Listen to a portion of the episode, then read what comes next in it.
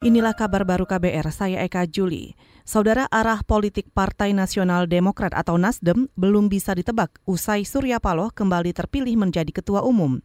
Pengamat politik Jaya Dihanan mengatakan saat ini dinamika politik masih sangat cair, sehingga tidak bisa disimpulkan soal tujuan manuver Nasdem beberapa waktu terakhir.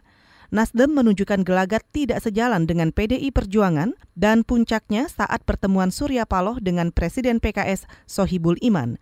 Namun, menurut Jayadi, langkah ini belum bisa dijadikan kesimpulan bahwa Nasdem akan menjadi oposisi. Kan sekarang uh, kita belum tahu karena sampai saat ini kan secara resmi masih menunjukkan masih belum ada apa namanya belum ada pernyataan apa pun yang menunjukkan bahwa Nasdem akan keluar dari pemerintahan.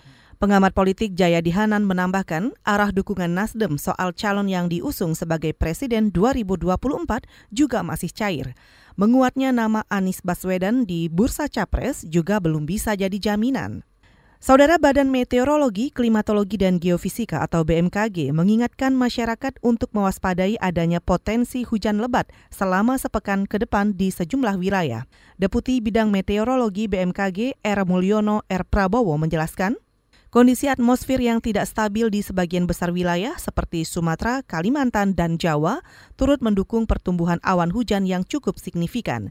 Curah hujan dengan intensitas lebat yang dapat disertai kilat atau petir, juga angin kencang hingga 14 November berpotensi terjadi di sejumlah wilayah seperti Aceh, Sumatera Utara, Riau, Kepulauan Riau, Sumatera Selatan, dan lainnya. Saudara Yayasan Lembaga Konsumen Indonesia atau YLKI menilai usulan Kementerian Kesehatan untuk memberikan subsidi iuran peserta kelas 3 BPJS Kesehatan masih rancu. Pengurus harian YLKI Sudaryatmo beralasan jika profil peserta kelas 3 adalah orang miskin atau tidak mampu membayar, maka lebih baik dimasukkan ke kelompok penerima bantuan iuran PBI. Sudaryatmo juga mendesak manajemen pelayanan ditingkatkan supaya efektif dan tepat sasaran. Pas ke satu itu kan apa? Jadi apa, pas ke satu itu ini puskesmas sama klinik gitu loh. Itu dia terlalu mudah memberikan rujukan. Jadi semua itu dilempar dikit-dikit rujukan, dikit-dikit rujukan kan kira-kira gitu loh. Mestinya kan kalau model apa jaminan kesehatan yang bagus, justru bagian besar itu bisa diselesaikan di fase satu gitu loh. Pengurus harian YLKI Sudaryatmo menambahkan, data real tentang kemampuan bayar peserta menjadi krusial karena bisa menentukan besaran kenaikan iuran yang tepat.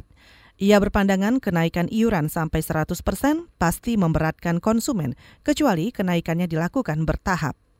Saudara juru bicara Kementerian Dalam Negeri Bahtiar meminta pemerintah daerah dan DPRD setempat mengawasi tata kelola parkir.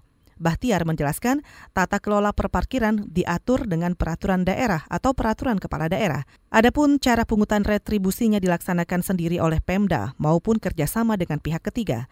Bahtiar juga berpesan tata kelola parkir harus transparan karena berpengaruh kepada masyarakat pengguna jasa. Ia juga mengimbau dan meminta pemerintah berhati-hati soal pungutan parkir oleh preman berkedok organisasi massa atau ormas. Saudara demikian kabar baru, saya Eka Juli.